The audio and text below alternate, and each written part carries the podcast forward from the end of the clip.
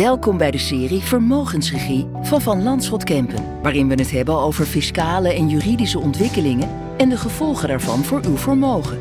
Bart Vroon van het Van Landschot Kenniscentrum praat u bij en vertelt hoe u slim met uw vermogen omgaat.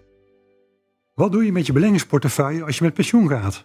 Alleen nog vermogen onttrekken of ook doorbeleggen? En als je doorbelegt, doe je dat dan voorzichtiger met meer obligaties? Maar hoe ga je dan om met de huidige lage rente, hoge inflatie en de verwachte rentestijging? Genoeg vragen. En over de financiële planning in de pensioenfase praat ik met Bart Vroon van het Van Landschot Kempen Kenniscentrum.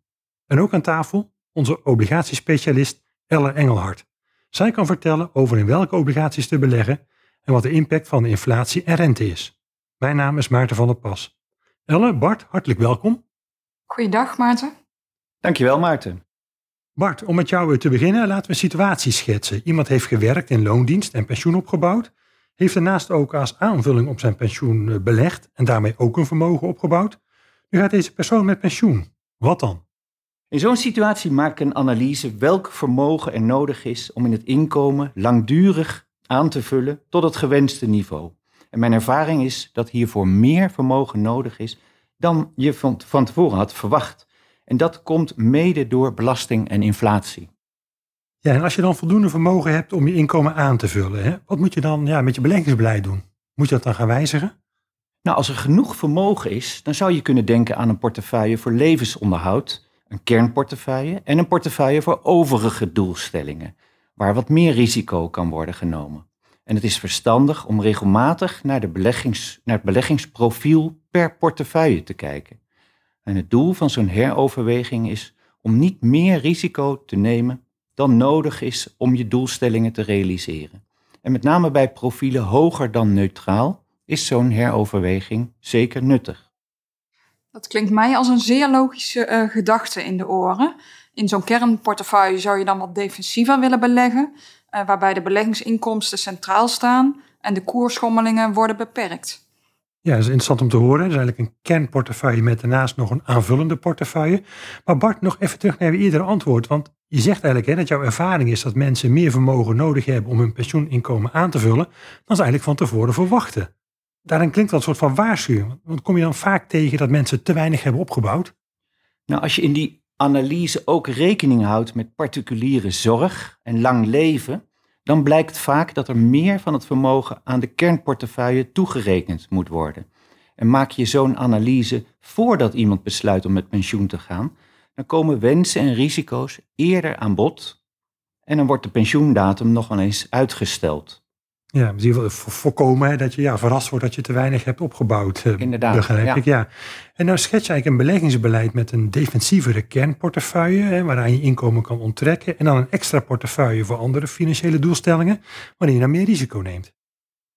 Ja, mensen die met pensioen zijn, die zitten niet meer in de opbouwfase van hun vermogen. En zij zitten in de afbouwfase. En als ze dan en onttrekken en verliezen lijden, dan is dat in feite een dubbele onttrekking en komt dat hard aan. En dat kun je niet zo 1, 2, 3 goed maken. Ja, en heb je nu natuurlijk ook nog hè, dat, dat je een hoge inflatie hebt op dit moment, wat natuurlijk ook aan de koopkracht van het opgebouwde vermogen knaagt. Hoe kan je daarop dan anticiperen? Nou, inflatie is altijd iets om rekening mee te houden. Inflatie verlaagt de koopkracht van je vermogen. Dit in combinatie met de huidige nog altijd lage rentestand op obligaties betekent voor veel klanten dat ze nu een groter deel in aandelen beleggen dan ze eigenlijk zouden willen. En aandelen bieden vaak wel een betere bescherming tegen inflatie dan obligaties, maar in een slechte economie kun je er ook geld, meer geld mee verliezen. En de vraag is of je dat risico wilt en kunt lopen. Het alternatief is dan stoppen met beleggen, maar dat is meestal geen oplossing. Een serieuze overweging is om de pensioenpot extra aan te vullen als dat mogelijk is. Of om je uitgaven te verlagen.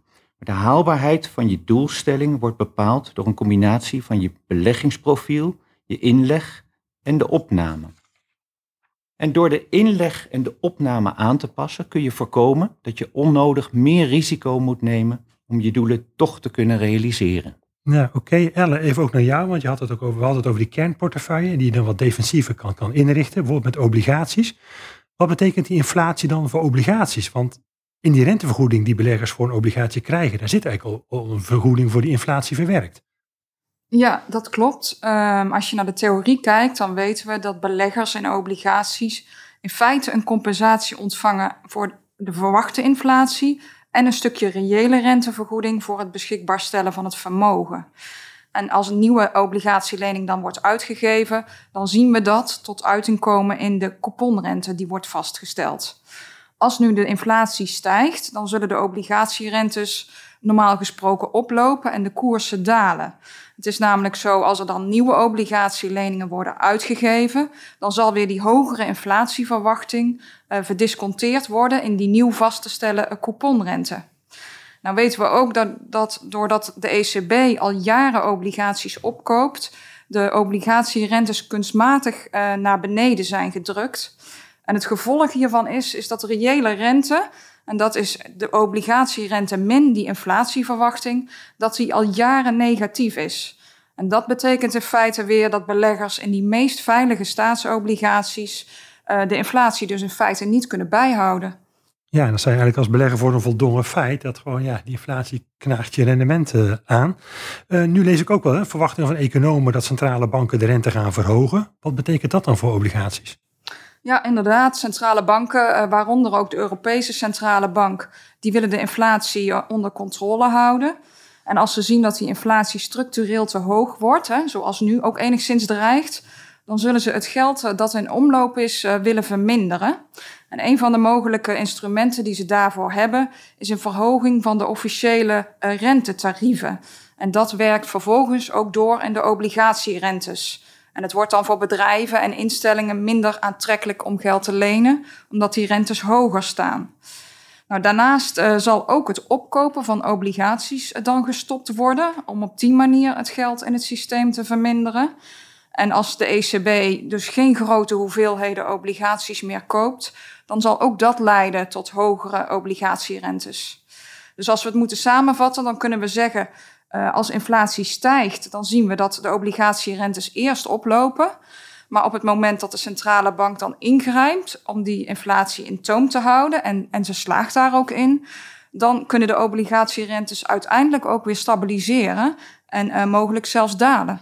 Ja, want als ik jou dan goed begrijp, dan heeft natuurlijk zo'n hogere inflatie en die stijgende rente vooral negatieve gevolgen voor de obligaties die je al in je portefeuille hebt. En voor nieuwe obligaties die je zou toevoegen, ja, daar zit dat dan weer in verwerkt. Ja, dan heb je in ieder geval last van koersschommelingen. Um, en als je de lening tot het einde van de looptijd aanhoudt, dan hoeft dat niet zo'n probleem te zijn. Maar op het moment uh, dat je wel gevoelig bent voor die uh, koersschommelingen, dan heb je daar natuurlijk wel last van. Ja, Bart, even terug naar jou. Want jij zegt dus eigenlijk dat je met een bepaalde regelmaat moet toetsen of je beleggingsprofiel en beleggingsportefeuille nog bij je passen en hoe jij financieel voor staat. Ja, beleggen is een continu proces. Je moet er niet van dag, naar dag, van dag tot dag naar kijken, maar je moet wel op belangrijke momenten peilen waar je staat. En dan gaat het om de balans tussen je financiële positie en de haalbaarheid van je doelstellingen. Hoe sta, hoe sta ik ervoor? Ben ik nog op de goede weg? Of kan ik beter wat bijstellen?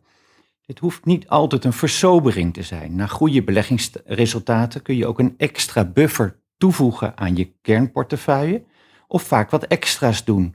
Een mooie vakantie, een schenking aan je kinderen of aan een goed doel. Maar je kunt ook op dat moment ervoor kiezen om je beleggingsprofiel met wat minder risico te nemen. En het gaat niet om het rendement, maar het gaat vooral om het halen van je doelstellingen. Ja, Ellen, want wat zou je dan bijvoorbeeld doen hè, met obligaties in een kernportefeuille ja, als je minder risico wil lopen? Um, nou ja, ik denk dat daar een paar uh, mogelijkheden voor zijn om in ieder geval uh, over na te denken. Uh, op de eerste plaats zou je bijvoorbeeld obligaties van zeer solide bedrijven kunnen opnemen. We zien dat die in ieder geval een hoger effectief rendement geven dan een staatsobligatie op dit moment. daarnaast zouden ook inflatieobligaties een aardige toevoeging kunnen zijn. En dat geldt zeker als die reële rentevergoeding, waar we het net ook al even over hadden, als die weer boven de 0% ligt. Uh, nu is dat nog niet het geval, maar we zien de laatste weken wel dat deze reële rente aan het oplopen is. En dat komt doordat de ECB toch een aanvang heeft gemaakt met het afbouwen van dat ruime monetaire beleid. En dan tot slot um, ja, kunnen mensen ook overwegen om een soort van ladderportefeuille in te richten. Uh, op die manier dat de jaarlijkse rente en de vrijval van die obligatieleningen, dat dat grotendeels overeenkomt met de kosten van het levensonderhoud. En op die manier heb je ook uh, geen last van die tussentijdse koersschommelingen waar we het net al over hadden. En dan krijg je ook niet te maken met uh, koersverliezen, omdat je de lening gewoon aanhoudt tot het einde van de looptijd. Ja, en die, die inflatieobligaties die je noemt, hè, die zijn eigenlijk al een soort van bescherming tegen inflatie bieden, zo noem ik het maar even. Uh, want ja, als Verlandschot verwachten we dat inflatie nog wel even aanhoudt. Is het dan wel een obligatiecategorie om even in het bijzonder in de gaten te houden? Is zeker een aardige categorie om in de gaten te houden. Alleen zolang die reële rentevergoeding negatief is, zoals nu nog steeds het geval is, zijn eigenlijk ook deze obligaties heel erg duur te, noemen. Uh, dat zien we overigens ook in uh, de reguliere staatsobligatiecategorie. Dat die renteniveaus daar nog altijd laag zijn. Maar we zien inmiddels wel de trend dat deze aan het oplopen zijn. Uh, door de ontwikkelingen die we net hebben genoemd. Ja, dus goed in de gaten houden of die uh, rente aan het stijgen is. Hè. Nu hadden we het ook al, eerder ook over een aanvullende portefeuille naast die, die kernportefeuille, uh, die dan wat defensiever is. Kun je nou aan die aanvullende portefeuille misschien ook juist dan wel wat meer risicovolle bedrijfsobligaties of misschien obligaties uit opkomende landen toevoegen?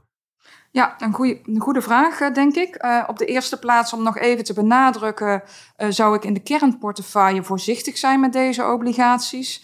En de reden hiervoor is, is dat die landen en bedrijven die deze obligaties uitgeven, dat die veel minder kredietwaardig uh, zijn. En daardoor komt het nog wel eens voor dat zo'n land of bedrijf niet aan zijn rente- of aflossingsverplichting kan uh, voldoen. Nou, in de aanvullende portefeuille uh, denk ik dat deze obligaties zeker prima kunnen passen. We weten dat deze qua risico-rendementsprofiel in feite tussen aandelen aan de ene kant en solide staats- en bedrijfsobligaties aan de andere kant instaan. Um, als je al in deze obligaties wil beleggen, dan geven we er wel de voorkeur aan om dit te doen door middel van een beleggingsfonds. En uh, de belangrijkste reden hiervoor is, is dat er in zo'n fonds heel veel spreiding uh, wordt gerealiseerd. En daardoor is een belegger minder kwetsbaar uh, voor het geval dat toch een land of een bedrijf zou omvallen. Dus dan altijd bij voorkeur door middel van een beleggingsfonds. Ja, dus in ieder geval met die meer risicovolle obligaties, ja, even opletten natuurlijk. Wat je al zegt, het rendement is hoger, maar het risico is ook is groter uiteraard. Bart, nu hebben we er nu toe eigenlijk vooral gehad, hè, die situatie geschetst van iemand in loondienst. Maar nou heeft Van natuurlijk ook veel uh, ondernemers als klant. En wat speelt er dan voor zo'n directeur groot aandeelhouder die met pensioen gaat en dan bijvoorbeeld zijn bedrijf heeft verkocht?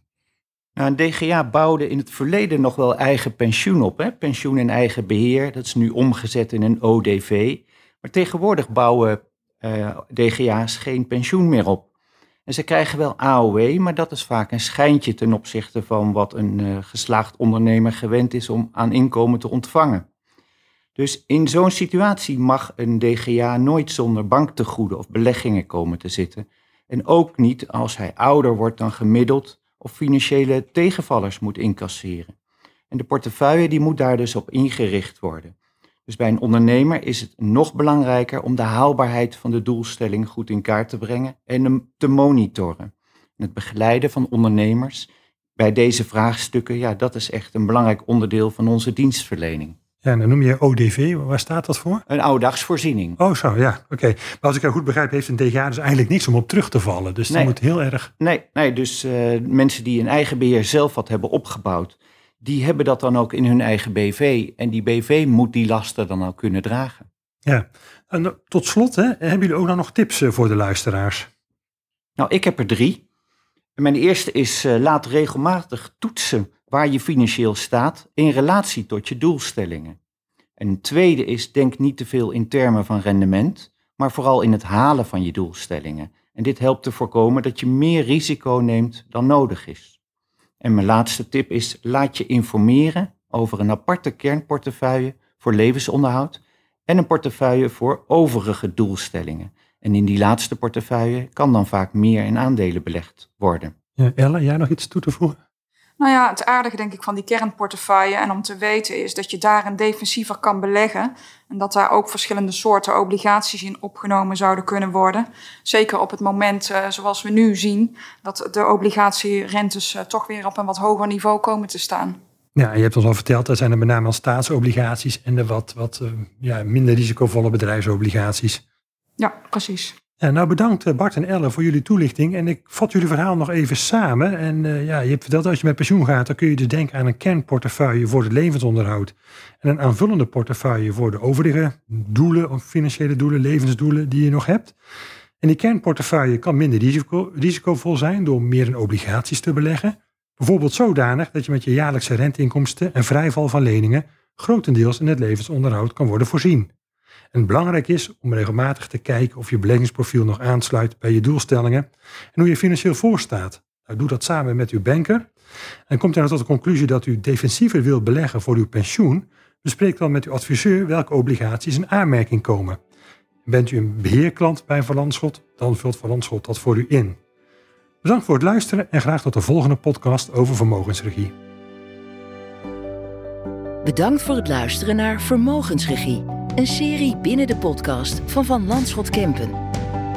Wilt u meer regie over uw vermogen? Bezoek dan onze website www.vanlandschot.nl en abonneer u op dit kanaal.